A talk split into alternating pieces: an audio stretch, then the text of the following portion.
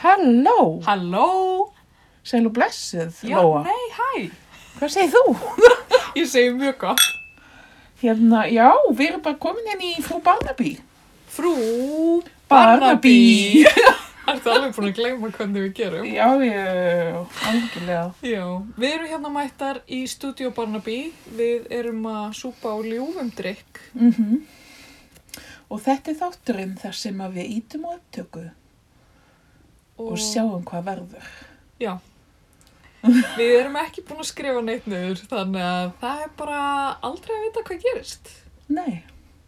Og við ætlum að taka ykkur í örlítið örferðalag. Já.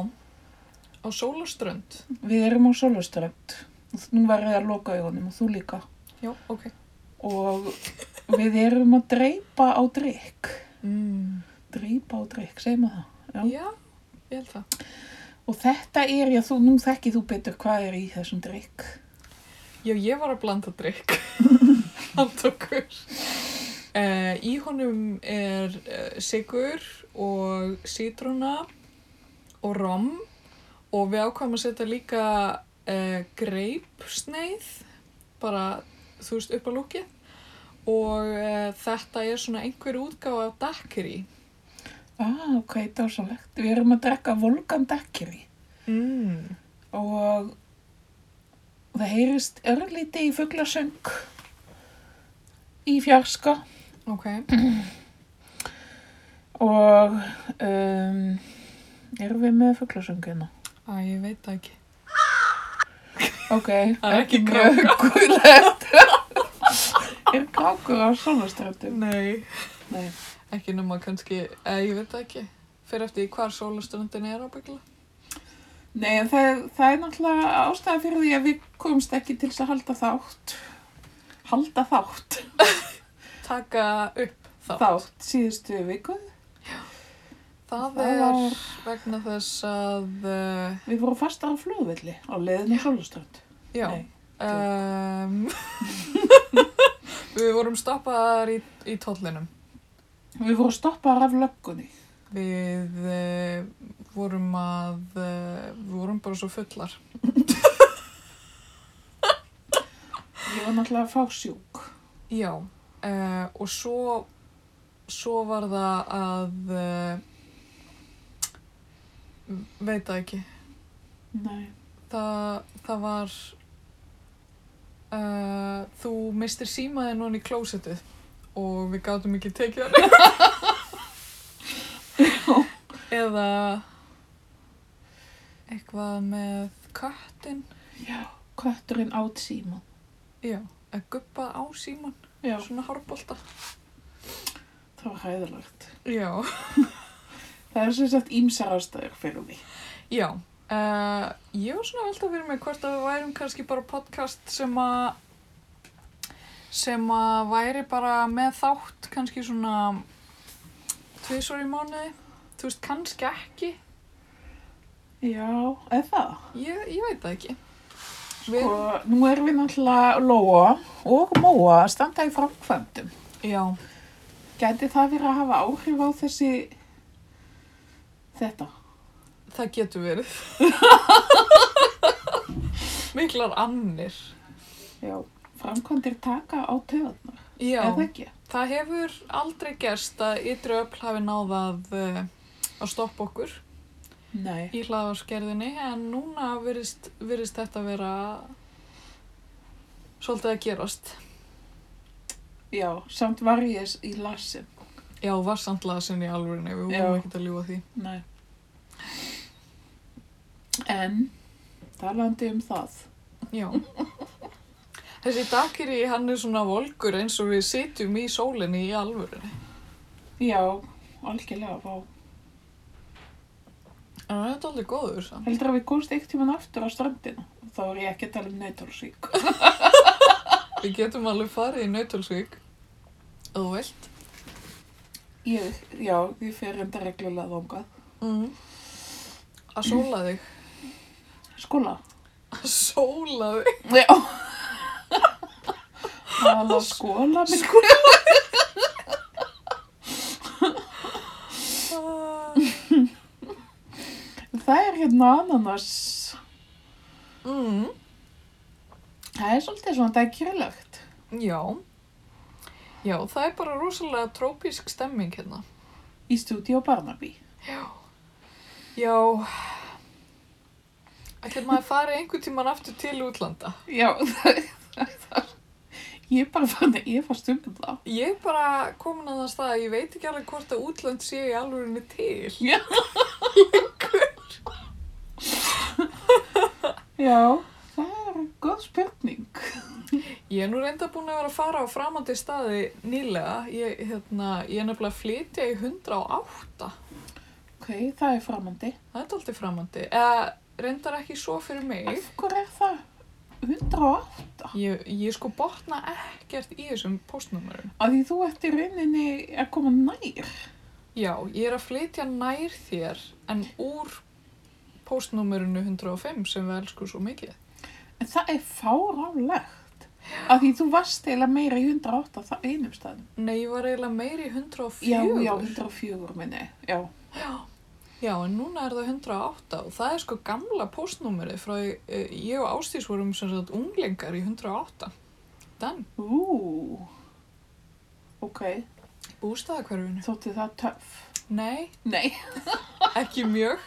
Við löpum stundum í skeifuna út af að hagkaup er opið 24-7. Eitthvað. var það opið þá?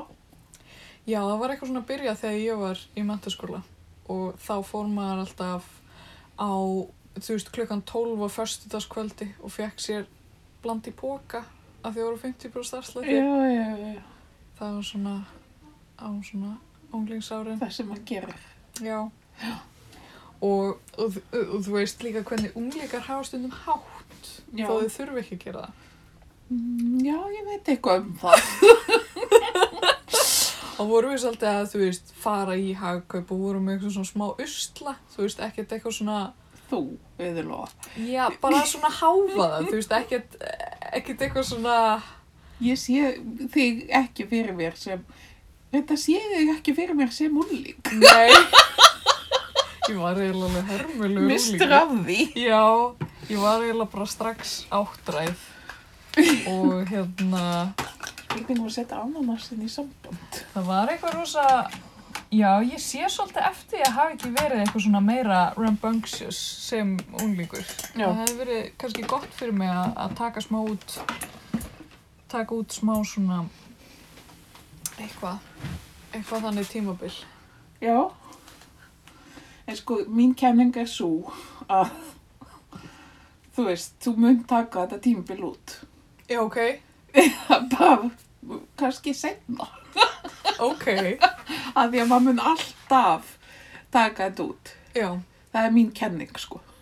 Ég, ég tók reynda smá dramakast sko þegar ég byrjaði í listaháskólanum. Nú, ok, já. Það ertu kannski búin að því.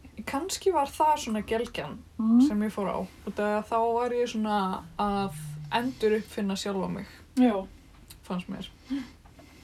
Mér varst það ekkert mjög gaman í mentaskóla en sko LHÍ það var mjög skemmtileg tími, Mm. mjög mikið svona blómstrunar tími held ég. Og hérna tók smá tímabild þar sem að ég var að hætta með kærastanum mínum, Ok. eitthvað svona, Úlala. og fara í sleik á balli. Ó, eitthvað og svo var, dýr. svo var ég reynda bara 19 ára þegar ég byrjaði allá í og hérna og e, mátti þess vegna ekki fara í ríkið og gat stundum ekkert farið inn á staði með Oh. skólafélögum mínum. og það En kannski, er- varstu ekkert í því að ljúa? ljúa Ljúa? Jú, jú, ég var stundum að reyna það sko Ég nefnilega, sko, ég var, ég og vinkonum mínu, við vorum að orðna svolítið góðar í bara að ég glemdi drefpleinum hérna, mínum hérna inni, má ég ekki fara að ná, ná í hann. Ó, og Fannig kom okkur inn stundum og, Ég, ég man sko þegar ég var orðin 19 þá var ég orðin svo pyrruð á þessu og var búin að vera að reyna að svindla mér inn, þú veist, eitthvað í mentaskóla og eitthvað. Og hérna, netti nú ekki verið að fá eitthvað svona fake ID eða neitt svoleiðis. En hérna, en þegar ég var orðin 19 ára og var komin í listaháskólan þá var ég eiginlega hægt að nenna einhverju svona ruggli já, og þá stundum síndi ég bara skilriki mín alvöru skilriki mín og var bara mjög köld. Já, það, það er línu að virka einhvern tíma. Já, mér finnst þess að það hafi kannski virkað einu sinni. Já, eða ok. svo. Ah, Já. Já, ok, já. Já, ég, ég held ég að alveg tekið þetta út, sko. Þetta er sko bróður minn sem er yfgöld þér, hann átti ammali núna á dögunum, eftir að sagt í gær. Já, einmitt til hafa ekki með hann.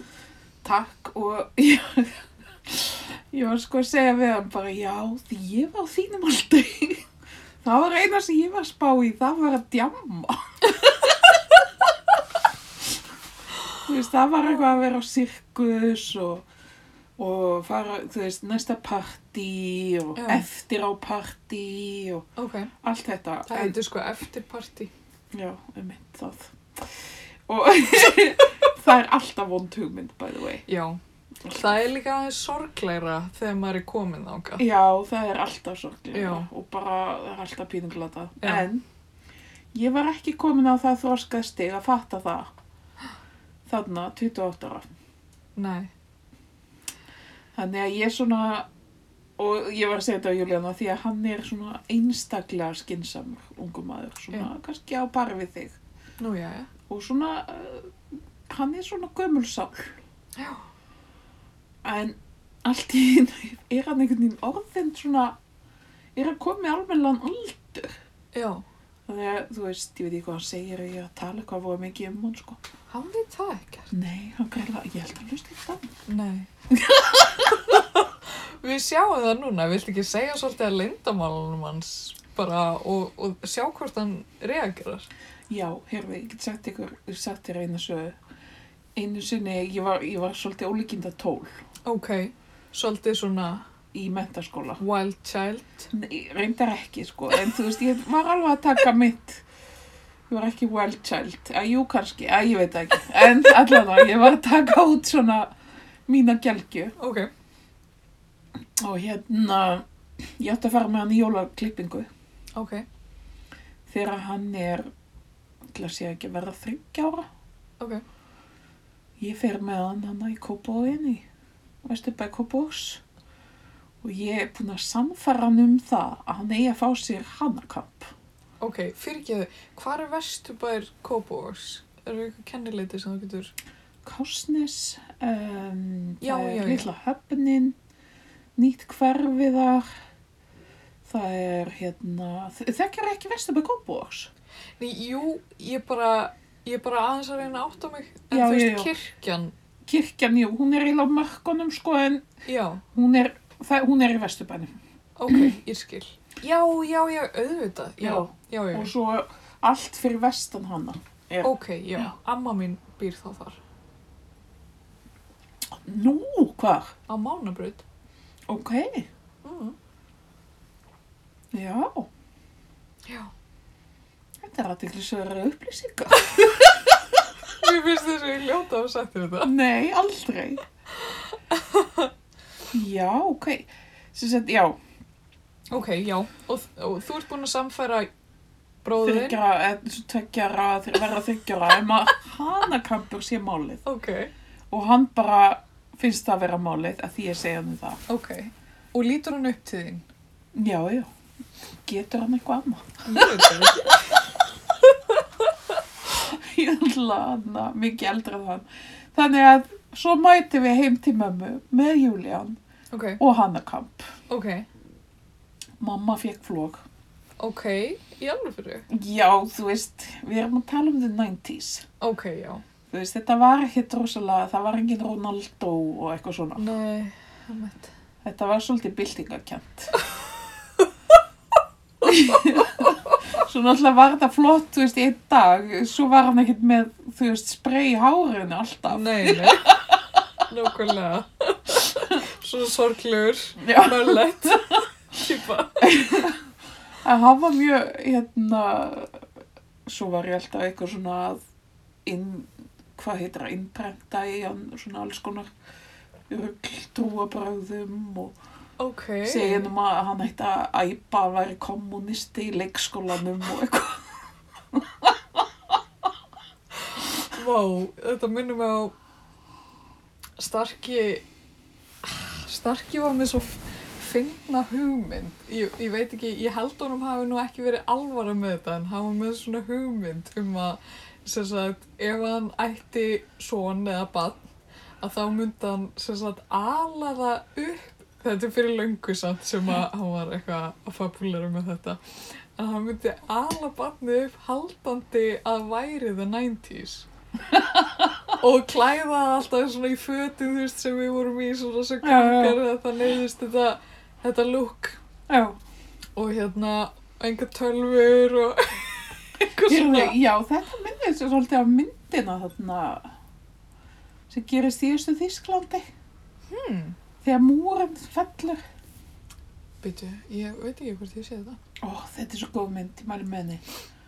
Ok, Og svo sem sett er, mann ekki hver það var, sem- mamman eða eitthvað sem fyrir kóma, ok svo vaknar hann aftur og þá láta þau eins og það sé ennþá, Já, þú veist, múrinn sé ennþá ok til þess að hún fá ekki áfall. Já, já, já Eða, e, sko, nýrri kannski útgáfa er þarna Nei, sem er ekki nýrri Það þetta er orðin gömul mynd með honum hérna Hvað heitir hann? Adam Sandler Mm. 50 First Dates Já, já, já, ég man ekkert eftir henni. Það sem hann er að deyta konu sem er minnislaus. Já, ymmi, Og Drú hún- Barrymore. Já, og hún er alltaf að upplifa saman daginn aftur og aftur.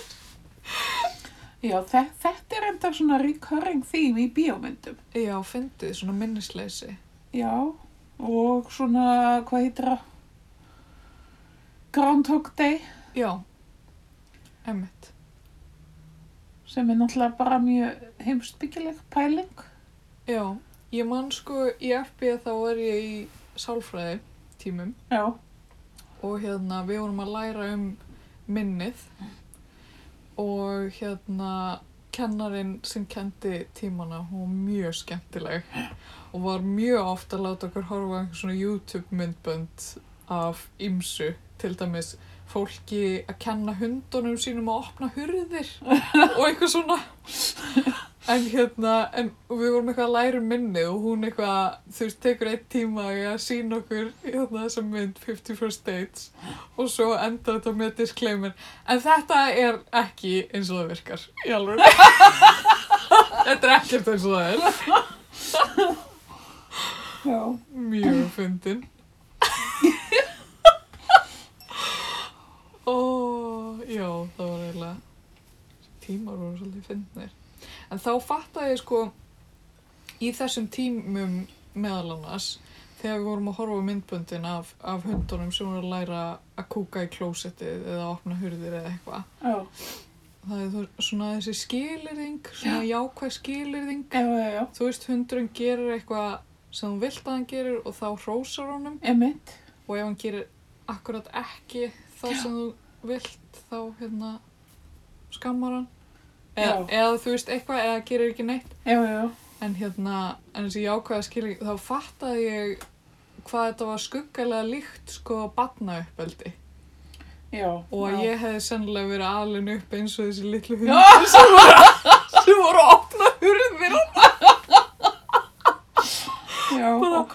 Mm. Samt, að ég veit það ekki, mér finnst þess að batnauppeldi sé svona, meira kátist kannski já, já það er rétt það er svona margur svona, margarski eitthvað að reyna já, að ken, kenna þeim að opna hurðir og þú veist, reyna að vera ekki eins og þau eru er oft, er oft einhvern veginn það sem um. barni uppeldi snýstum. að kenna börnunum að vera ekki eins og þeir Já, þú veist, ef þú spáir í því börn, er bara svolítið eins og fullir einstaklingar. já, Er bara með hlaupand út um allt og öskrandi og þú veist, láta eftir allar sína tilfinningar, þú veist. já, ef fá ekki selgiti að fara þau að gráta í búðinu og öskra þú veist þú veist, en maður er einhvern veginn að reyna að kenna þeim að ekki vera þú veist, þessi típa já og líka, maður, er- þú veist maður kannski er að taka persónleikan og bara, þú veist, ok einhver er rosalega feiminn já, og maður bara, æ, ekki vera svona feiminn, ekki vera svona feiminn þetta kemur þú veist, alltaf eins og hjá mér, þetta kemur úr hörðustu átt. Ég var Já. rosalega feimin barn. já, Og svo er ég alltaf að segja að börnum mín ekki vera svona feimin. já, Og þetta er einhvern veginn það sem er alltaf að gera. já, einmitt, Og svo, talandu það, að þú veist, allir mann skallar já, í börnunum hans finnst mann þeir að þeir vera miklu verri. já, er það þannig? Það er svolítið þannig. Og svo, hérna, reyndar, hún Lóa Hjaltís, Já, snillingur, já, hún nafna þín. og hvað verið gaman að fá hana í við? Ó, já, Ó, það var geggjað. Hún sko, ekki ná með að hún lesi hugsanir, taki myndir úr lífinu mínu og veitir nákvæmlega hvað er að gerast. Já. Þá, að ég er búin að vera að tala í mörg ár um að gefa út uppeldisbók já, sem heitir Mútur, Skammir og Hótanir. já, Lífsregluna þrjár. já, Og þetta er by the way uppeldi sem virkar. já. En þetta var einmitt Og eitthvað, eitthvað þetta var- teknik sem kom frá Hún henni. kom með allt í einu þessa tekníku og ég var bara eitthvað What the fuck, Lóa? Þú veist, ég er næstu í hálf fúl. Kannski þið getur skrifað hana saman. Já, mögulega. Ég myndi lesa. Miljón, við erum við miljardamæringar. Þetta væri rosalega gott svona counter literature með við, þú veist, allar, þú veist, Tiger Moms og, og þessar Já. svona fullkomnu mæður sem að, sem að leifa börnunum sínum bara að borða lífurænan mat og engan sigur og, og þú veist, gera þetta eitthvað, þú veist, Já, og segja aldrei, og segja bara 1, 2, 3, nú hættiru. Það er til dæmis ein aðferð. oh my god, já. En þetta getur verið rosalega, ég held að þetta væri rosalega refreshing fyrir þennan geira, sko. Já, svo líka því að þú veist hver er að lesa uppeldisbækur. Konur. Já, og þú veist, þetta er, mér þetta er smá svona til þess að einhvern veginn kannski gefa fólki minnum á þetta kemd oft. Já, maður veldi því fyrir sér sko. Og, og líka það, þú veist, það er náttúrulega til alls konar skólar af uppeldi. Emmi? Þú veist, hvernig, hvernig er réttast að gera það og þú veist, fólk vil náttúrulega gera það besta fyrir barnið sitt og allt þetta. Og hérna, en svo, svo þú veist, eiginlega eiginlega það sem þetta gerir er að kennir fólki að það, það sem það gerir er aldrei nóg. Nei, emmi. Og það er aldrei nóg. Nei, emmi. Og það er aldrei einhvern veginn rétt. Nei. Þannig að þetta er svona ein, ein leið til þess að láta En konur þegar þú líða notar illa. þannig að lífsregluna þrjár, Mm. þær virka. Múta, hóta, Skamma. skamma.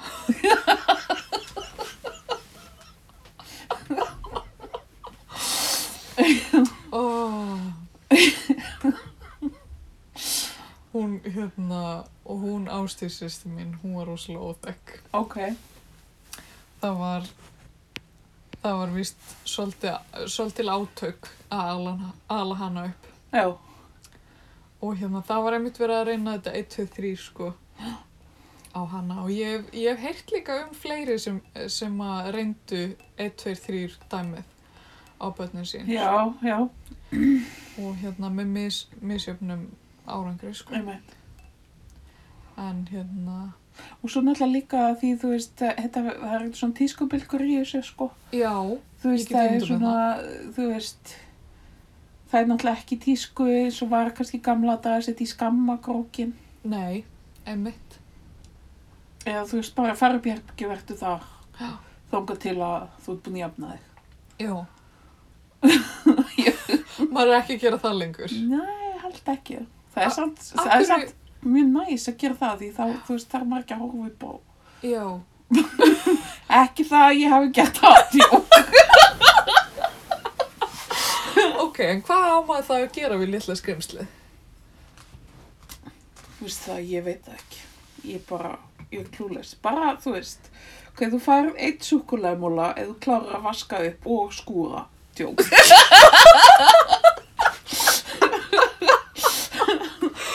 Oh my god, það er gott að þetta er ekki uppeldis podcast. Ég er að myndi mig það á það. Þetta tíman, Júlían, hann, hann gat verið ansi svona fyrirferra mikill Ok, og á tímbilið þá var ég komið fullkomna ráð fyrir hann. ok. Og það var sko, það var reverse psychology. Ok. En maður sagði við hann bara, nú ferð þú ekki að sofa. Og þú veist, þetta duði alveg tvís og þrís og til Ok. að fatta því, þú veist. En, Ah. en, hérna,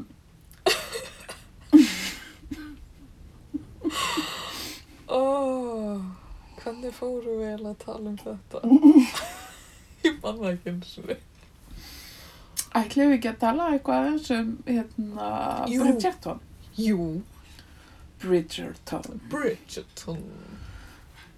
Já, eins og, eins og fleiri landsmenn þá höfum við setið dálitar yfir nýju sjómasefni. Já. Það gerist. Já, ég bara glifti þetta í mig yfir jólun. Já, ég líka. Ég er eiginlega nánast hún gleymur sérlega. Þetta er svolítið þannig, verð ég að segja, þetta skilur kannski ekki s- svo mikið eftir sig. En þetta var samt mjög svona skemmtilega afturreik. Já, góða þreng og þetta er gott fyrir það sem það er að því að þú veist, maður upplifur stundum þú veist, ef maður er búin að vera að vinna eða bara eitthvað búin að vera að stúsa í mörgu svo kemur maður heim og langar bara að horfa á eitthvað sem maður krefst ekki mikils Einmitt, Þetta var fullkomið algjörlega. fyrir það og eh, eins og hlustendur geta kannski gert sér í hugalund þá erum við svolítið svona periodudrama Já, geti aðdándur það verið. hérna, ok, búningarnir dásamlegir. Já, geggjaður Fullkomlega dásamlegir. Já Og hérna, uh, það var náttúrulega svona rosalega nýtt element í þessum þáttum. Já, sem var að hafa fólk af alls konar kynþáttum. já, byrjum kannski á að tala um það Já, og þau útskýra það smá í einhverjum dialóg, fannst mér. nú er það. Já, fyrst hugsaði ég nefnilega að þa- þarna væru bara leikarar af alls konar uppruna og hérna og literati og hérna og að þau ætluðu bara ekkert að taka það inn í söguþráðin og mér fannst það bara frekar áhugaverð eða þú veist bara flott Já, En svo kom þetta eitthvað í sögu þræðinum, fannst mér, að þá, hérna, þá, þá voru einhverjar tvær manneskjur að tala saman. Ég held að það hafi verið aðal kallinn og hérna, og hann uppeldismóður hans já, sem voru eitthvað að tala saman um að einu sinni hefðu svart fólk ekki haft.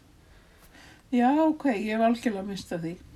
Já, En mér fannst þetta, sko, fyrst var ég bara svona, wow, hvað er að gerast? já, Þetta var alveg, eh, þú veist, það var einhvern veginn verið svona öðra manns skinnjum, og, og auðra forminu. öðra forminu, en svo fannst mér þetta bara ótrúlega jákvæð Já, mjög, og hérna algjörlega málið. já, að því að þú veist, allt þetta periodu drama. það er svo hvitt. Já, og líka þú veist, er það eitthvað svo sagfræðilega rétt? Nei, þú veist, Þú ég veist- held ekki. Og Ég held líka oft svona periodudrama og þú veist, og líka bara hérna skaldskapur frá þessu Georgian, Edwardian, þú veist, Englandi séu svolítið búin að útmá svart fólk úr sögunni. Einmitt.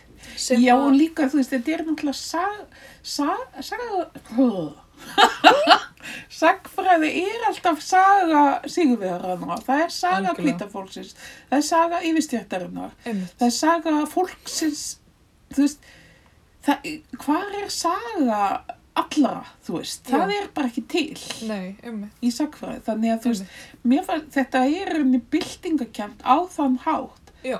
að sína alls konar fólk en þú veist pólitíst líka já. ég er ekki s- mega neitt sens Nei, ég er með, ég er með tvo punta í þessu En það er eitt sem er að það eru rosalega flottir þættir sem að hérna, sagfræðingur, breskur sagfræðingur gerir. Og þú veist, núna í Bridgerton er ekki sagfræðilegt, þetta Nei, nei. er bara einhver skaldskapur já, sem er bara frábært og hérna, skemmtilegt að, að hérna, búa til þannan heim þar sem að allt er mjög hefbundið nema þetta eina já, og þú veist, þetta er bara já, bara mjög skemmtilegt einmitt. en hérna, en bara svona til að taka sakfræðavingilinn þá er þú veist svart fólk hefur verið á Breitlandsegum mjög, mjög lengi Einmitt, frá róm, uh, rómar veldis tímum og hérna og það er sagfræðingur sem heitir David Olosuka sem er hérna uh, hálf nýgeriskur hálf breskur held ég og hann hefur gert fullt á þáttum um sem sagt uh, bara eitthvað sögur Breitlands og alls konar og ég er búin að láta þið horfa á eitthvað af þessu já, já, já, þessi, þannig sem gerast í Bristol með sögu Já, húsana. Já, Eða hérna, sögu íbúa húsa í Bristol. einmitt A House Through Time Ótrúlega áhugaveru þetta er. mjög skemmtilega þættir þar sem hann tekur fyrir eitthvað svona eitt gamalt hús og rekur sögu íbúana í húsinu og hvernig húsi breytist yfir tíman og Já, já, já. eitthvað svona og, hérna, en hann, hann sem sagt hefur gert sér karriér úr því að hérna, vera svona sjónvassakfræðingur meðal Já. annars Já, en hann gerir sjónvasserju sem er markvelunu sem heitir Black and British já, og er svona um sögu svartra á Breitlandsegum og bara rosalega áhugavert og skemmtilegt og gefur, þú veist, þessari sögu sem maður þekkir svo miklu meiri dýft eða þú veist, kemur bara með allt annan vingil. vingil á, á það sem maður taldi sér vita Einmitt, já. eða þannig. Nákvæmlega. Og svo í- það er líka núna tiltala nýlega þættir sem mynda Small Access Ok, sem fjallar um sko sögu Jamaica já, þeir eru bara, voru bara bókstaflega að koma út á BBC ok, fyrir jól, hljóma, mælum með þeim líka hljóma mjög vel, ég var þetta bara búin að sjá einn sko ok, en já, einmitt, af því að það er kannski svo, svolítið náttúrulega, sem við búum í bara mjög hvítum heimi og mjög svona já, já, einmitt, það sem að einhvern veginn viðhorfin og allt þetta miðast allt við að búa einhvern veginn Já. norðkuljarðar Já. forréttindastöðu já, þarf maður einhvern veginn að hafa, leitast eftir því að sjá þessi önnur já, að aðra upplifanir, held að það sé mjög mikilvægt, algjörlega mjög mikilvægt. en þú veist, um Bridgerton, já mér Já. finnst það, já, Já, en heyrðu, já, annar punktur sem ég ætlaði að gera sem er um, um sem sagt fantasíur er að, hérna, ég er mikill fantasíu aðdóndi, þú veist, Lord of the Rings, Harry Potter, allt þetta. Já. Uh, þú ert Harry Potter kynslaðin Ég er af Harry Potter kynsluðinni. já, ég, Mjög ég veit, mikið. Julian lærði að lesa með Harry Potter Já, já. það er einmitt það. Og hérna, já, ég man að Harry Potter var held í fyrsta bókin sem að, þú veist, ég man að fyrstu bókin að las mamma kannski fyrir mig já, En svo hérna, sem sagt, leytist ég út í það að, að þú veist, þegar mamma var hættan en að lesa fyrir mig, þá þú veist, var ég að að stelast til þess að lesa áfram. já, já, Þetta var einhver svona tilfinning sem hafði ekki gripið með áður, nei, einmitt geðveika bækur. já, En hérna, en sem sagt, fantasíur og, og svona skáldskapur er rosalega svona white-centric. já og hérna, og þú veist einhvern veginn, þú veist, það er allir alltaf bara hvítir, þú veist, eins og í Lord of the Rings það er allir bara rosa, rosa Já, já, já.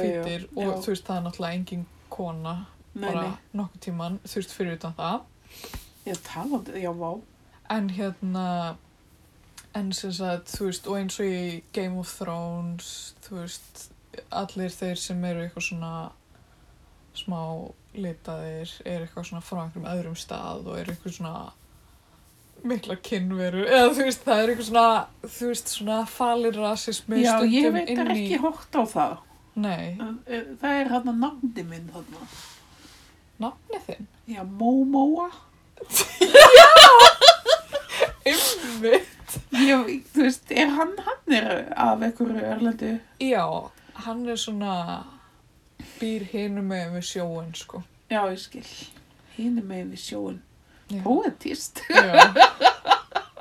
En hérna, en já, að, að þú veist, að, að svart fólk meira að segja í fantasíum er ekki, já, Nei, einmitt. hvítum. Að Já. þú veist, það er eins og fólk get ekki, Já, það er raunni, það er kannski fantasíu spegla raunverulegt samfélag að því leitum til að það er þessi, hérna, hvað er það að segja, þessi, þú fordómar. veist, Fordómar. fordómar og kynjafordómar og hérna kynþáttafordómar Mm. Já. og eh, já, bara alls konar fordómar sem er- virðast hald, viðhaldast í fantas, fantasíunni. Já, og svo er líka það að fantasíur eru mjög oft skrifaðar af hvítum kallmönnum fyrir hvíta kall. Já, emmitt. Þannig að Jötull, það er Dóra. líka annað próblem. Já, Þannig að það er bara rosa gaman að sjá skaldskap sem er svona eitthvað að leika með þessi. já, þessi Svona. gildi. Já, Og en það, mér fannst kannski aðteglisverðast af öllu að fyrst var ég bara eitthvað, já, beti, hvað gerast hér? já, Fannst þetta alveg pínu svona skrítið? já, ég sett alveg spurningamerki við þetta. Svo Já. vandist maður þessu og þá er þetta bara, Einmitt. Svo þú veist, tók að einn þátt og þá bara tók söðráðurinn yfir eitthvað. já, og þetta voru náttúrulega bara alltaf karakterarnir. Já. Sem að skýna þannig gegn. Þannig að þetta var bara mjög heilbreytt fyrir okkur sem hví- Já, ég- hvíta ég- konur. Ég held að sé mynd svolítið merkilegt þegar maður horfst í auðvitað það Já, að maður er ekki fórtumalaus nei, og maður lifir í þessu samfélagi já, með þessum gildum þannig að sjálfsögðu einhvern veginn síjast þessi gildi þó maður þykist vera ótrúlega, ótrúlega eitthvað, Víðsýnn bildingakendur og- og viðsýn á Facebook eða eitthvað. já, já. Og auðvitað er maður bara alltaf að reyna að verða viðsýtni. Já, algjörlega. Þannig að, Ég man einhvern tímann ég kom til Íslands eh, hérna, eða þegar ég flutti til Íslands og fl við fluttum til landi og mamma Já. sem úlengur. út á land. Já, ég bjósist á eigilstöðum sem úlengur Já, alveg rétt. og hérna, og ég eignast bara mjög góð vinkonu og hérna, og þá hafði hún til dæmis aldrei séð lita mannesku. Já, og þetta fannst mér alveg og finnst mér ennþá kannski ótrúlega skrítið þú Já. veist, ég náttúrulega fæðist í öðru landi þar sem eru bara alls konar Já. þú veist, það eru fullt af örubum og, og alls konar mm Mhm. og hérna og þú veist þetta var, þetta var bara normalt já, þarna. Já. Hún hafði bara aldrei séð í raunveruleikanum. Já. Stelpa sem býr á, út á landi, einhvern veginn. já, En já, þannig Já. að þú veist, já, ég veit ekki hvað ég ætlaði að reyna að segja með þessu. nei, en þetta er bara svo stutt síðan, Já, það Líka- er rosalega stutt síðan. já, einmitt, en hérna, en það er rosa gott að horfast í augu við fordóma sín, eða þú veist, líka bara þegar maður fattaði ekki að maður væri með einhverju svona hugmyndir um hvernig hlutinir ætti að vera, eða þú veist, Já, já, já. af því að uh, popular kultúr er náttúrulega al upp í manni alls konar fordóma sem að maður veit ekki einu svona er sé að gera. Nákvæmlega, já. Og eins og í Midsommar Murders, ég veit ekki hvort við höfum talað um þetta aður, en það er náttúrulega rosa mikið bara hvít fólk það. Já, við hefum aðeins talað um það. Já, En þeir virðast alveg verið að reyna að resa upp á það núna í nýju, nýjum þáttaröðum. algjörlega. En bara too little, too late, Já, svolítið. Já, reynda. he- he- getur maður sagt. og ymmit En hérna, en já, það er svona fyrsti punkturinn við, við þetta Bridgerton. Það var mjög hressandi og, og þú veist, og ég, ég bar þetta oft saman við, sem sagt, mjög ólíkan hlut sem, sem er samt svona e- ein af mínum uppáhaldsperiodu drömmum Já. og, og, og bara ég uppáhaldi hjá öllum sem elskar svona. Mm. Þú veist, Pride and Prejudice frá 95, já, já, já, það sem að Colin, Colin Firth já er, bara, Darcy. ó, Darcy oh, oh.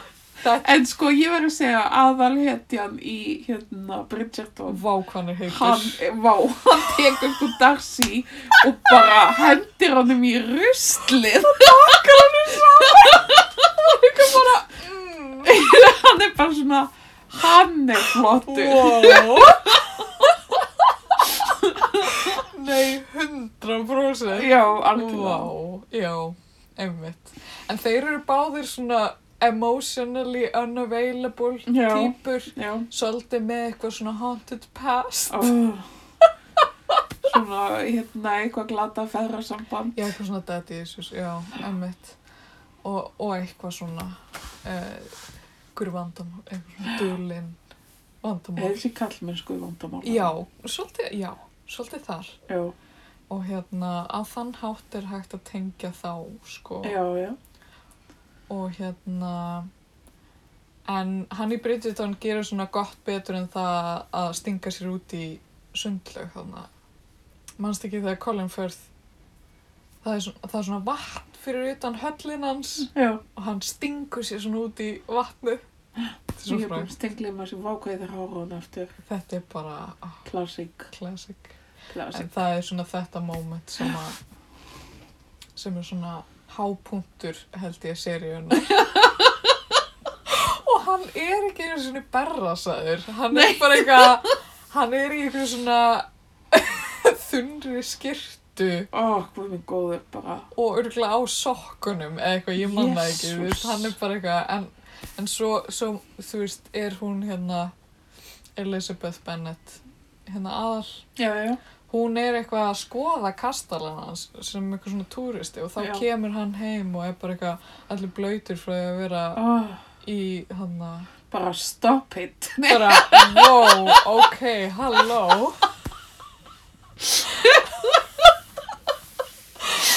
en, en þú veist, Bridgerton var miklu meira svona saucy, þú veist, þau voru alveg að gera það Já, það var mjög sósí. mjög mikið Það, já, það var svakalega sósí. já, Það var algjörlega verið, já, spila svolítið þarna með mig.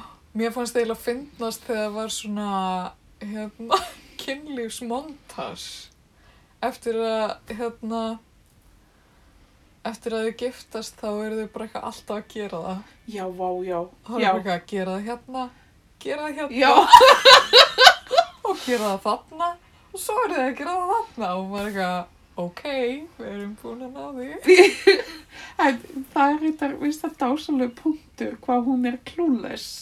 Já, Af því að, þú veist, auðvitað hafa konar verið af þessari stjætt fullkomlega klúles já, á allan á þessum tímum. já Getur maður ímyndað sér ekki þegar maður viti Já. það. Nei.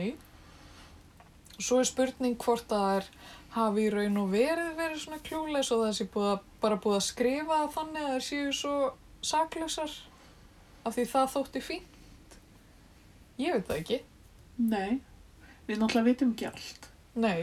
og það er líka bara svo, þú veist, lítið efni frá konum á um þessum Nákvæmlega. tíma. Þannig að maður veit eiginlega ekkert hvað það voru að hugsa. Oh, nákvæm fokkinglega, sko. Já. Nefna Jane Austen alltaf. En þú veist, en er hún að segja okkur allt, sko, Jane Austen? Hún er nákvæmlega ekki að segja ykkur neitt. Það er eiginlega bara það sem hún er að gera í þessum flessum bókum sínum. Withholding information geti verið svona undir titill. Mér finnst besta, besta senan í bæði Sense and Sensibility og Pride and Prejudice er, þú veist, þegar það er tvöfalt brúðkaup sýstranna Uh, og svo, þú veist, svo kissast aðal hetjurnar ekkert fyrir en bara í loka sekundunni. uh, uh. maður er eitthvað svona ef sexual tension geti líka verið undir til Já, það er eitthvað við erum bara tvö hérna segja brandara og labba hlið við hlið ég veit. en við vitum bæði hvað hvað er í gangi hérna Já, þannig að Bridgerton er svona, svona saucy Jane Austen, geti það verið. getur verið mér finnst, ég reyndar sko nýtast mjög þegar það er sko sexual tension en þú veist, það er ekki búið að gerast Já, það er eitthvað svo ótrúlegt þú veist, ein, eins og þarna þau þarna aðal, þau eru eitthvað svona að horfa á eitthvað malverk og svo næstu ég haldast já, já, í já, hendur já. það var bara eitthvað geggja moment Já, það var svolítið flott moment. það var svona eitthvað ramagn Já. sko. en, Það var momenti sem að hann svona, en já, hann, hann fekk smá svona sjokk já, fattaði það hann. bara allt í einu, já, ég geti. Að því hann er eitthvað, þú veist, hann er eitthvað streytast á móti því að verða hamingjusamur já, til þess að auðra föðu sínum. sem er döður Sem, sem- þetta er svo útrúlega glatað eitthvað. já, Glata konsept. sögutræðurinn gekk fram að mér nokkru sinnum Já, það var svona, við kannski spoilum þessu ekkert fyrir Nei, nei. öllum en, fólk en er, all, er allir búin að á sjá. já, já, er það ekki Þú veist, ef þú ert manniska með viti. já, en mér var svolítið eitthvað svona, já þú veist, þegar hann var alltaf bara, nei ég get ekki eitthvað, hann var bara eitthvað, ok give me a break samt, Um eitt. Bara ég vorkinni þér svo mikið. já, not Bara þú þart að burðast með þessa fegur hérna. já, æ, auðvitað þú En svo, já, svo, svo var samt aldrei gaman í þáttunum hvað, hvað konur fengi að vera miklir svona karakterar. Það Já. eru svona, þú veist, fengi að sína sinn briskleika og, og þú veist, já, bara vera svona meira agentar Um eitt. eða þú veist, Í sinni, já. Já. Já, og svona kannski, og það er svona sínt hvað það er, hefði í rauninni enga stjórn á sínu lífi. já, s- já, þessi svona og sínum kontrastar. örlögum. að því maður heldur einhvern veginn bara að út af því að konur í gamla dag áttu bara að vera peð í þú veist, þessu spili sem að kallmenn voru að spila að þá hafi það bara verið það en það hefur ábyggilega ekki verið Nei, ég veit, þetta er umhverfið, þú veist, konur eru eign já, fólks, eh, eign manna já, í svo mörg ár. já, brúðkaup er þú veist er, gifting er nánast eins og þrælarsala líku Já. við nákvæmlega þetta er svo grátlegt já, en það er til dæmis já, ég minna þú veist, það er kannski já, ég veit það ekki, ég veit ekki hvað ég að segja ég, ég get komið með dæmi svo, þú veist, þetta er náttúrulega stórt subject og allt það og hérna við getum örgulega að tala um þetta í, þú veist, 13 þætti eða eitthvað en hérna, ég var að gera þrætt á þetta um þetta Nei, djók. já, gifting undir titill þrælahald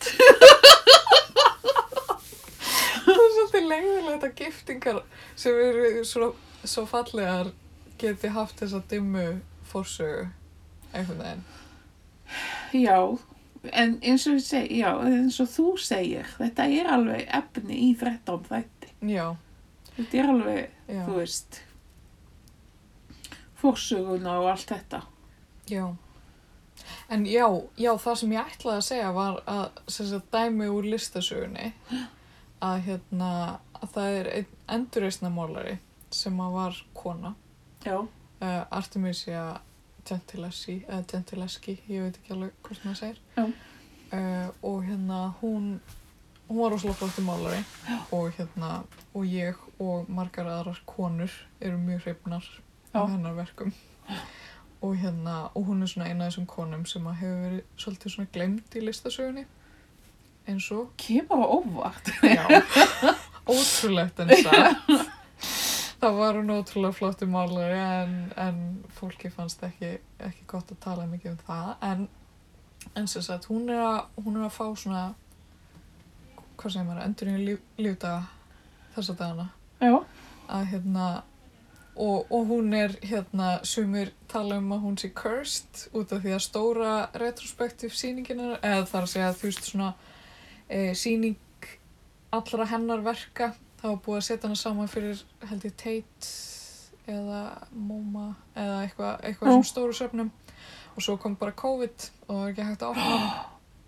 haldu kjafti Já, átti það bara að fara að gerast núna. Já, já, eða hann bara í síðasta vor Já, já, þá átti hann að opna og það var búið að fá, þú veist, verkinn hann í láni frá öllum mismunandi söfnum og Já, búið að já. safna þessu saman og fá styrki og bla bla bla og svo bara Ó, fór þetta allt í rugl sem er glatað uh, og líka glatað í ljósi þess að þú veist þetta hefur verið svona sýning sem mér hefði þótt gaman líka að fara til útlanda bara til þess að sjá emmi.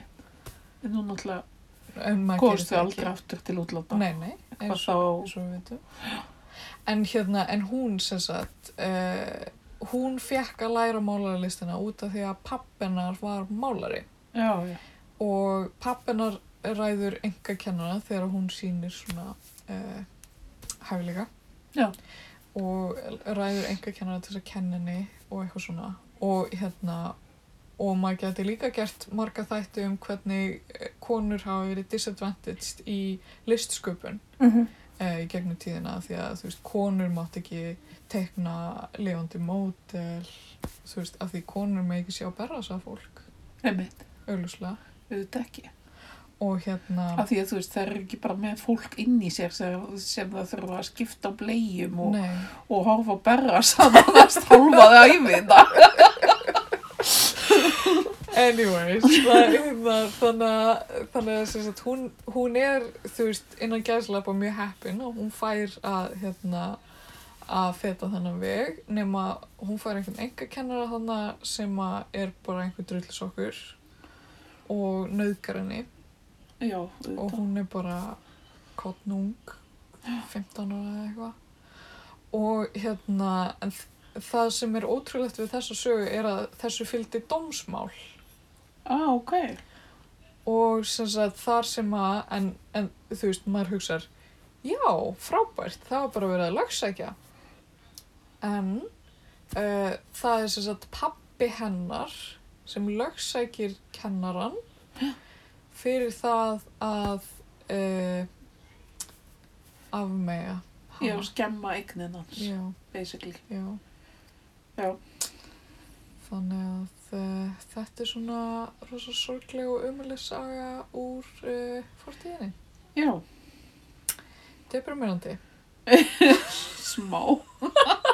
Passar svona fyrir janúar. En, en hún, eh, hún heldur áfram að mála samt eftir það og verður bara gæðt flott og eftirsótt Já. og málar ótrúlega flottar myndir og hérna málar til dæmis rosalega flotta, eiginlega bara flottustu í nokkuð tíman mynd af uh, biblíusögunni Júdit og Hólofernes. Já, sem ok, að- held ég veit ekki hvað mynd. Það er sem sagt, það er sem sagt svona tvær konur, aðalega ein kona sem er svona af hausa mann. Nei, ok, þá hef ég ekki séð þessa mynd. Nei, þetta er, Ég þarf greinlega flettinu upp. hún er mjög, ég held að flettin upp á símanu mínum sem það er. þetta er nefnilega, þetta er alltaf mögnuð sena það sem að, það er sem sagt ung kona sem er að hefna föður síns Já, eða eitthvað svo leiðis ég man nú ekki alveg hvernig sagan er en það er rosalega margi málara sem hafa tekið á þessari sögu ok. og allir kallkynsmálararnir mála þetta svona eins og eins og unga konan sé bara eitthvað ó, ég vil ekki skera höfuð að þessum manni en ég verð að gera það fyrir föðu minn eitthvað en Artemisia gerir mynd það sem það er bara kona sem er bara svolítið svona butch og Já. hún er bara að fokkin murka lífi úr þessum manni hún er bara, það er bara blóð út um Ok, ok, ok. Ok, mér líst mjög alveg á þetta. En ég held stundum, stundum held ég að allt þetta kynja misrætti og þetta er kannski mjög einfölduð hérna skýring hjá mér. mm -hmm. Sé bara því að kallmenn eru bara með fokking minnumáttakend. Já. Fyrir því hvað konur, þú veist, eru með, þú veist, allt. Það eru bara með lífið. Já, vá. þetta er klikkumynd. Shit. og hún er með sko aðstofakonu sem er að halda manninum niðri á meðan hún er að skera á hann höfuð Já, og og þau, ó, já, það einmitt. eru blóð og hann bara ó, ég sá þetta ekki koma shit við setjum þetta á Instagrami Já, já, þetta er gori, en þetta er mjög Já. góð en já, fyrir ekki, kallmenn eru bara með minnum þetta kent ég, þú veist, konur eru með, þú veist, í rauninni ofurkrafta. Já. Miða við kallmenn, þú veist, þær eru að bera börn Mm. sem, þú veist, hvað gera þeir merkilegt? þú veist, hvað geta þeir gert? Frú Barnaby, það sem við, þú veist, tell it like it is. Ó,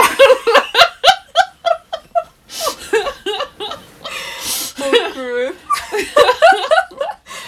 Þetta má ekki fréttast. Nei, Við erum komið með lausnina.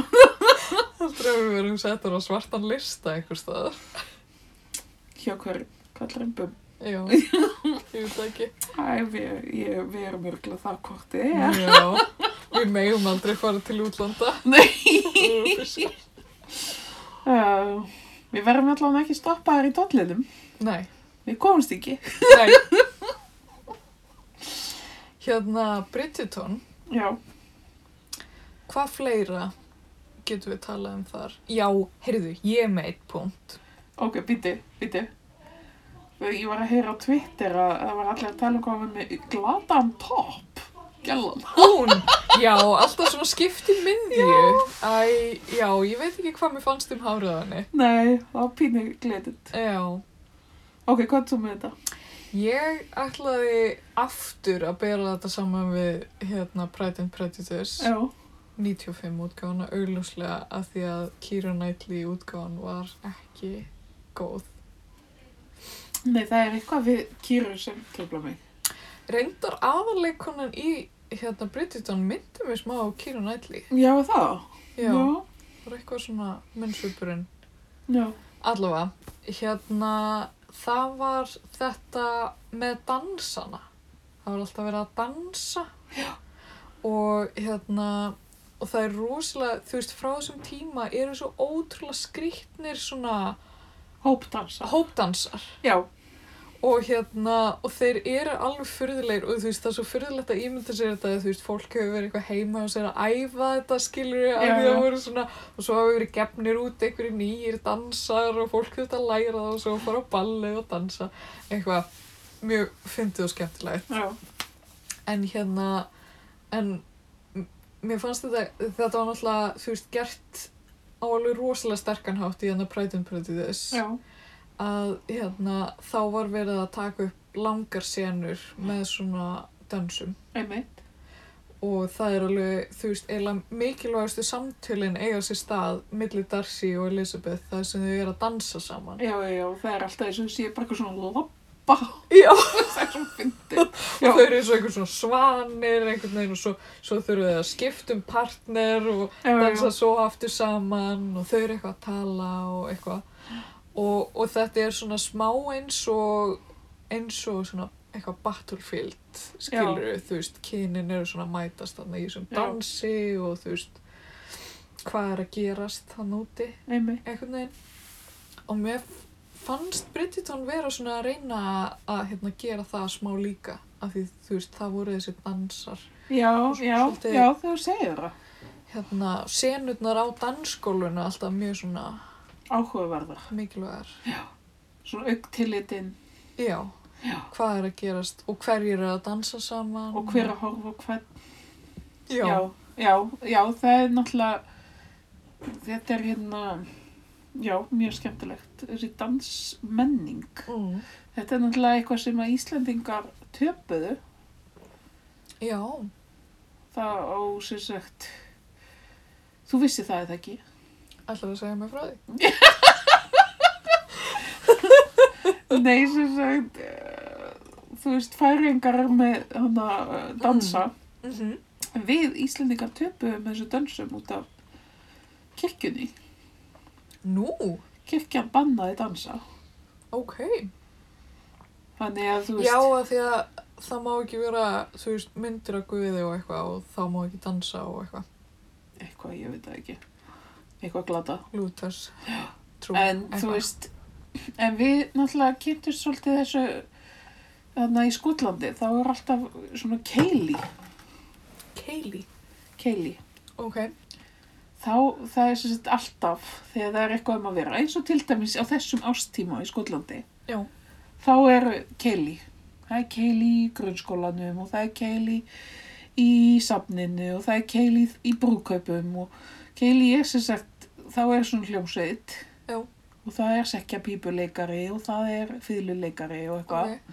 og svo er verið að hérna sem sagt dansa Ok. meðal annars skottís og, Ok, og alls konar eh, Canadian barndans var einn ok, og þetta er alveg fár, þú veist, þetta er alveg á við tvo aerobik tíma. Þetta er, þú veist, þetta er svo rosalega, hérna, maður var alveg rennandi sveitur ok. og hérna, og þessi hérna Canadian Barndars, hann er svolítið svipar eins og þú ert að tala um, þú veist, þá er maður, þú veist, að, að hlaupa svona undir og Já. allir með svona brú Jó, og hérna, þú veist, og eitthvað jó, og ef, þú veist, þar er mitt læri maður, það er svolítið sniðugt með þ- þessi kilja, þá læri maður dansana í rauninni jafnóðum. ok, Þá, er- þú veist, þá er við leitt sá sem er að tala fyrir hljómsutina, segir já, ok, nú ætlum við að fara í þennan dans og þá gerum við svona og eitthvað. ok. Og svo gerum við þetta og svo gerum við hitt. Þetta er svolítið svona skemmtilegt. Ok, En þannig að skotarnir verðast hafa haldið svolítið í þessa dansmenningu síðan, sko. núna þegar þú vorst að tala um þetta þá vildi ég eiginlega að Íslendingar hefðu einhverju svona danshefð. Já, það er náttúrulega, hvað heitir það, gamlu dansafélagið. Það er eitthvað sem var... Þú er starkið að þetta fara í það. Við myndum ábyggilega sóma okkur vel í því. Já, þú veist, það hefur náttúrulega reynd að vera að undirlífga þetta á Íslandi með þessu gamlu dansafélagi. Ok, Við reynda höfum átt samskipti við þetta félag, við Arnar. ok. Vilja þau þig ykkur ekki? Nei, Arnar fikk lánaðan, hérna, svona gamaldags íslenska þjóðbúning þegar við giftum okkur. Ó, bara svona, þú veist, þeir sem er ekki eins og þessi sem er þessi 90s búningur nei, emmitt. svona ljótu jakkafötin hana Heldur svona meira svona stuppbuksur eða já, svona hvartbuxur. nýbuksur og, og vesti og eitthvað Já, já, það er nú miklu flottari. hann miklu flottari Starki væri mjög flottur í því. já, Er hattur eða... nei, Nei.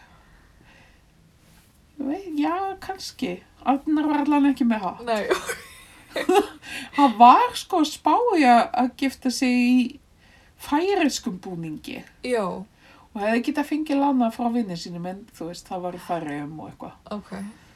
En Smá hérna, flækjustig. þessi er svolítið svipar og færiski. Já, emmitt. Emmitt. Þannig að Og í hverju varst þú? ég var í svona hvítum, eða svona rjómakvítum, prjónum, kjól, eða svona, ekki beint prjónum, en svona úr þannig efni Ok, frá Nóa Nóa. Bara Ok. mjög svona simpól, sko. ok. Um, ég, það var nú, einmitt, þannig að við einhvern veginn skipulöð, vorum ekkit rosalega skipulöð í þessu brúköpstæmi, sko. Ekki. þú veist, eitthvað viku áður kefti ég kjólinn eða eitthvað. Ok. Og bara, ó, hér, já, ég á eftir að köpa kjól. Þannig að, já, Emmitt. já, Já, ég trúlóðist emmitt í sumar. já, emmitt, ég maður til því. Já.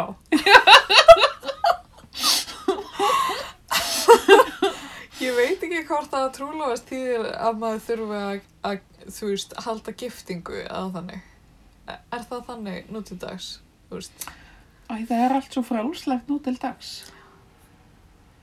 Þannig að, þú veist, maður getur alveg verið trúlóðar en lengi, sko. já, Við vorum held ég að trúlóðum mjög lengi, sko, við bara, hvernig, já, maður ekki eins og hvað lengi. nei. Þannig Ah, nú erum við búin að tala svo illa um giftingar. Já, en svo er við báðar í þessu bransa. Já, við erum bara í þessu.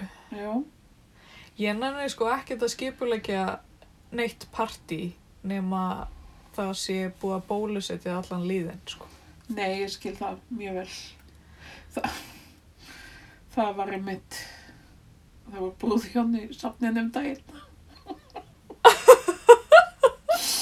Ok, eigum við að breyta hérna sögur úr sundi í þetta skipti yfir í sögur úr safninu. Já, ok. Segðu mér sögur úr safninu. Oh my god, það er svo mikið. E, bara eina. Já, á ég, ég hvað ekki, guð nei, ég, nú fer ég alveg á taugum. Hva, á ég að segja þessa sögu? Já, Já, ég, mér, ég held að ég veit hvað að sagði þetta er, en ég held að hún sé líka daldið góð. nei, ok, ég veit það ekki. Hvað sagði það? Með brúðhjónum í safninu. Já, en það er ekki beint saga. Segðu mér bara frá því. Ertu ekki ljóðskál? Ertu ekki aðeins? Bara, Sko. nei, já, það, já, það, já, það voru sem sagt brúðhjón. Ég get verið alveg örug á því að þau eru ekki hlustendur frú Barnaby. ok. Hvernig, hvernig metur þú það? Þau voru í fyrsta lagi ótrúlega fín og klassísk og svona, þau voru svona bara, þú veist, ekki aldurshópari sem hlustar á okkur, Ok. ekki típan af fólki sem hlustar á okkur, Það er svo ung. já, Já. Ok. Ung, ung og falleg, falleg og fín. já. Og svo ekki númið það, þau voru á, þau voru með svona hömmer brúðkaupsbíl. Oh my god. Ok, það gerur útslæðið. Já, það var svolítið svona, nei þau eru ekki hlustendur frá barna ok, ok, ok.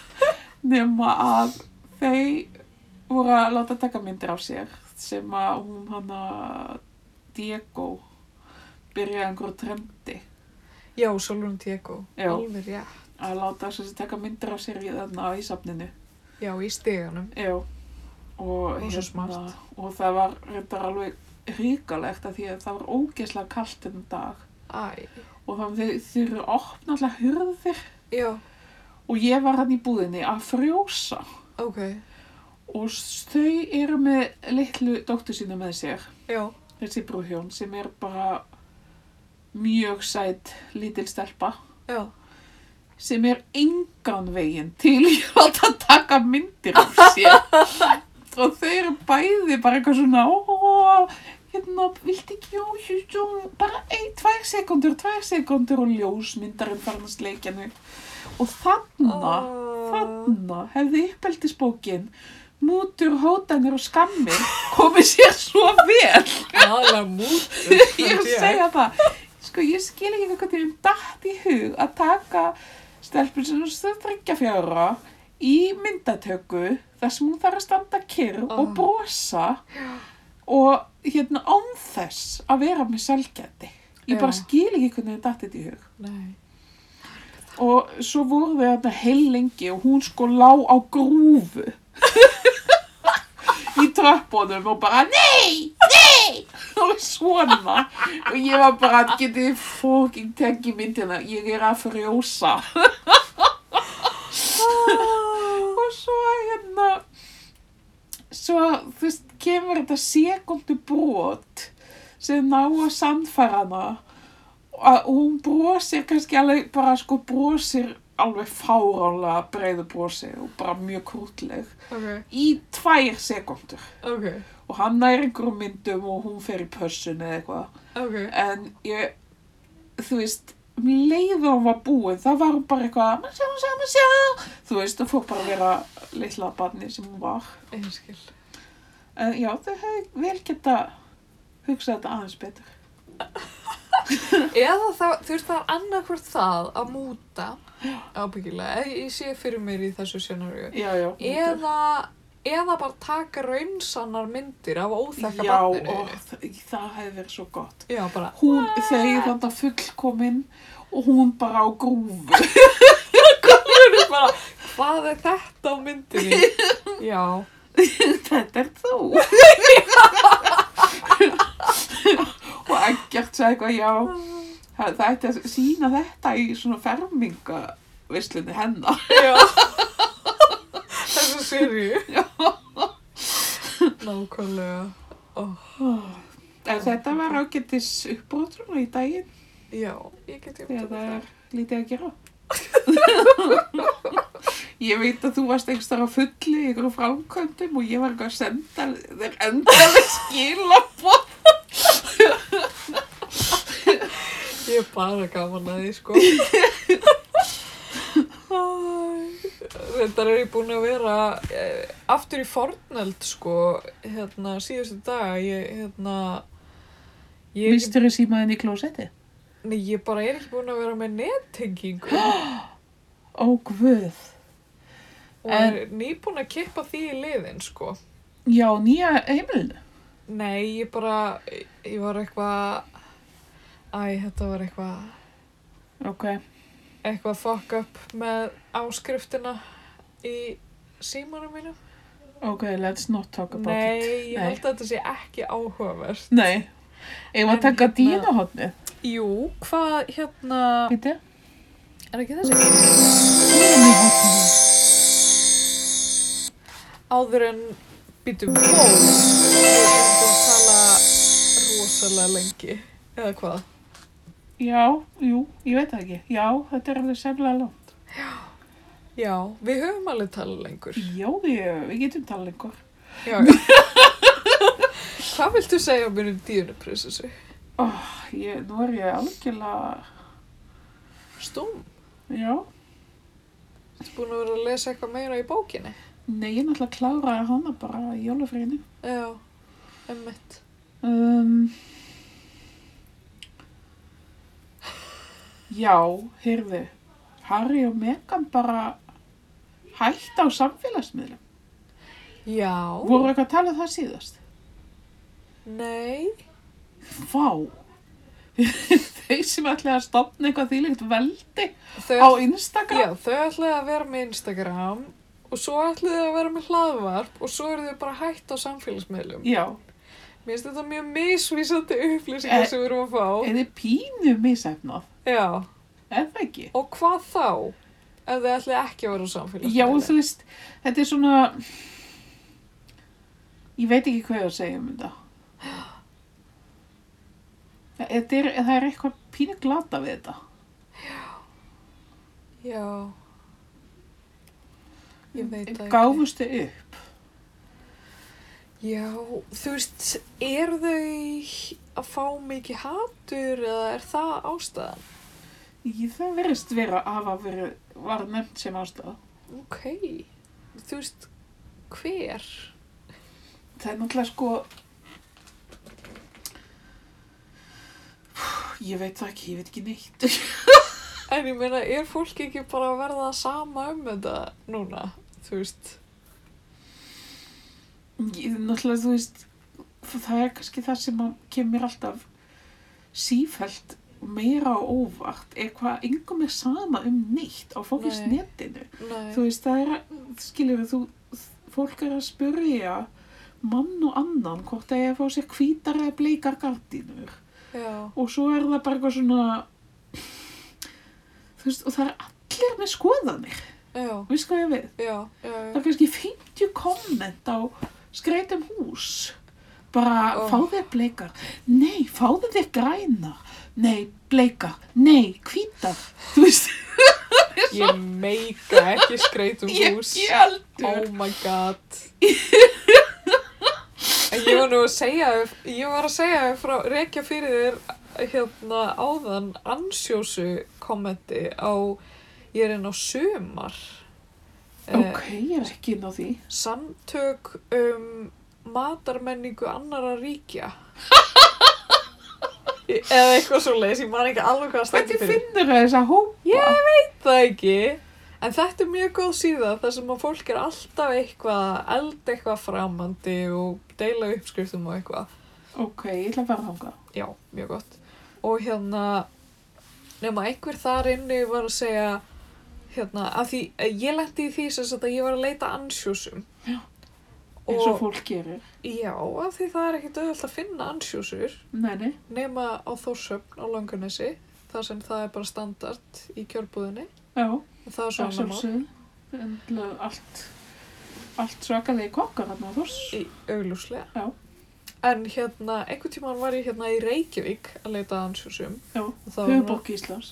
Og hérna, það gáttu náttúrulega margir eh, á netinu sagt, já það er stundu til í melabúðinni. Ó, ég þúl ekki að Oh. fólk segja þetta. Það er eitthvað, hvað ég nenni ekki að fara í vesturbæin. ok. Hérna, en, en ég fór inn á þessa góðu síðu sumar á Facebook. Og þá hafði einhver annar verið að leita að ansjósum einhvern tímann. Já, til þess að setja í ansjósu salat ok. og hérna Vistu hvað það salat var? N- Nei, en ég geti kannski leitað þetta upp aftur Já, Mér finnst það ekki hljóman eitt rosalega vel en, en þú veist, Já, þetta gæti alveg verið eitthvað frá Suður-Fraklandi. já, já, eitthvað svona En hérna, en sem sagt það var þarna kona sem var að gera, fara að gera ansjósusalat og hérna og hún spyr, heyrðu, ég er að fara að gera ansjósusalat, hvar í ósköpunum get ég fundið ansjósur? Ok, ef þú ætlar að búa til ansjósusalat, ertu þá ekki búin að finna ansjósusundar? Ok, í fyrsta lagi Sorry, já. En ok, hún var í miklu angist og vantaði ansjósinnar í ansjósalatið og, og spyr þarna góða vini sín á sömar.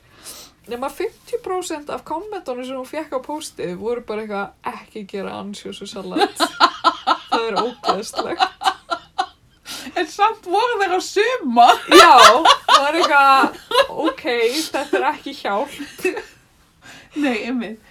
Það, Nei, bara ekki kaupa ansjósur, það er svarið við spurningunni henni. Hvar átt að kaupa ansjósur? Bara sleppti því. en ég get sko, allan að ég get bent hlustandum á það að öðnar fann ansjósur í netto. Ok, Ef þau ætla, ef þau ætla að búa til ansjósusalat. Ég sé það í krónun á höfða líka. Svo er hægt að kaupa mjög dýrar ansjósur á hverfiskutunni. Já, fransku vinnum mínum þannig. Já, og í búrinu á Granda. Ú, Það eru mjög flottar ansjósu þar í svona Mm. lítið krukku. Það eru svona í spíral inn í krukkunni. ó, Ósla En flott. Já. ég er samt, ég var aldrei að vera mikið fyrir ansjósusalat. Ég, sa- ansjósur, ansjósur. Ég, er- ég hefði verið einu af þeim sem hefði sagt ekki gera ansjósusalat. Fáðu þér bara bleikar gardinu, þú veist þú vilt það. Hlusta á hjartað.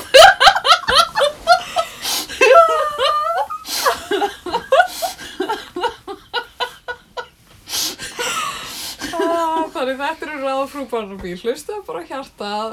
Fá okkur bleikagardínur. Kauftu bara ansjósur. En Á. ekki gera ansjósusalat. Við vitum ekki hvort við mælum að því. Nei, nei. múta krakkonunum uh, og eða maka bara til þess að fá það sem þú vilt Nútur hótar- hótanir og skammir virkar mjög vel. í Virkar barnauppeldi. vel. þetta er búin að vera mjög svona hvað maður að segja mér langar ekki að nota að verði hefbundin þáttur, þetta er búin að vera rosa svona settlegur þáttur hjá okkur Já, er það? að tala um barnauppeldi og giftingar Já, guð. og gardinur Ertu ekki að meina miðaldra? já, En við erum kannski einmitt að tala við markaðina okkar. Ah, hvað hva finnst fólki um gardínur? Hvað, hérna, Ó, Guð. hvernig ættu þar að vera á litin? Sko, mamma mín er mikil áhuga konu um gardínur. Já, Að í hver skipti, eða í þau skipti sem ég hef flutt, já, þá er þetta yfirleitt fyrsta umræðefni hennar. ok. Já, ætlaði að fá- fá gardínur. Hvernig gardínur? Ég á gardínur. Viltu kannski fá þær? Og svo, svona gengur það alveg í marga mánuði. Ok, ok. Þetta getur verið höfuverkur. Þannig að, já, Ah, já, þetta er svona... ætlaði þú að fá þér gardínur? Talaðu um það? Já, ég er einmitt nýbúin að kaupa mér bleika gardínur. Nei, Á bland. þú ert að djóka. Nei, ég er ekki.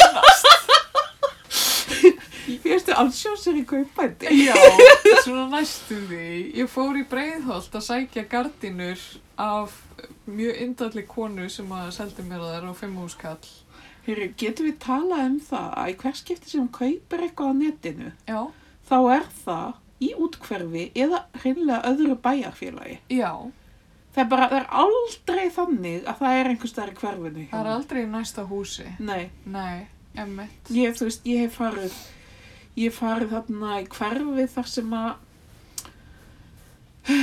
á móti þarna álversmiðinni Já, til að ná í græðlinga.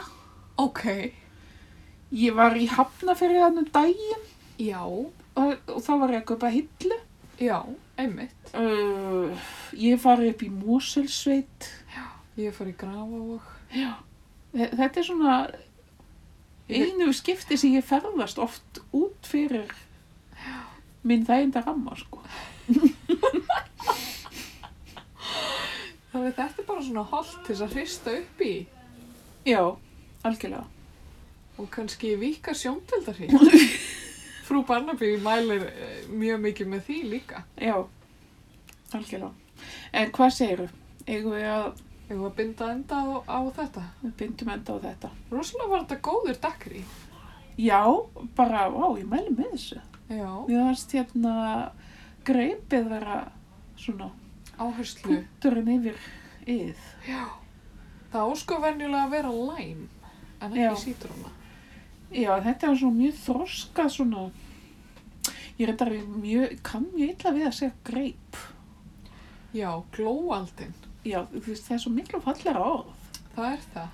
Á fransku er það pamplemousse, Já, sem ég enn fallera orð. það er frábært orð. Og þú veist, greip finnst mér bara svona, minnst það svolítið plebbalegt. Og svo sko, svo er smá sko discrepancy að, hérna, þe- að því ég kaupi mjög mikið greip Já, ég líka.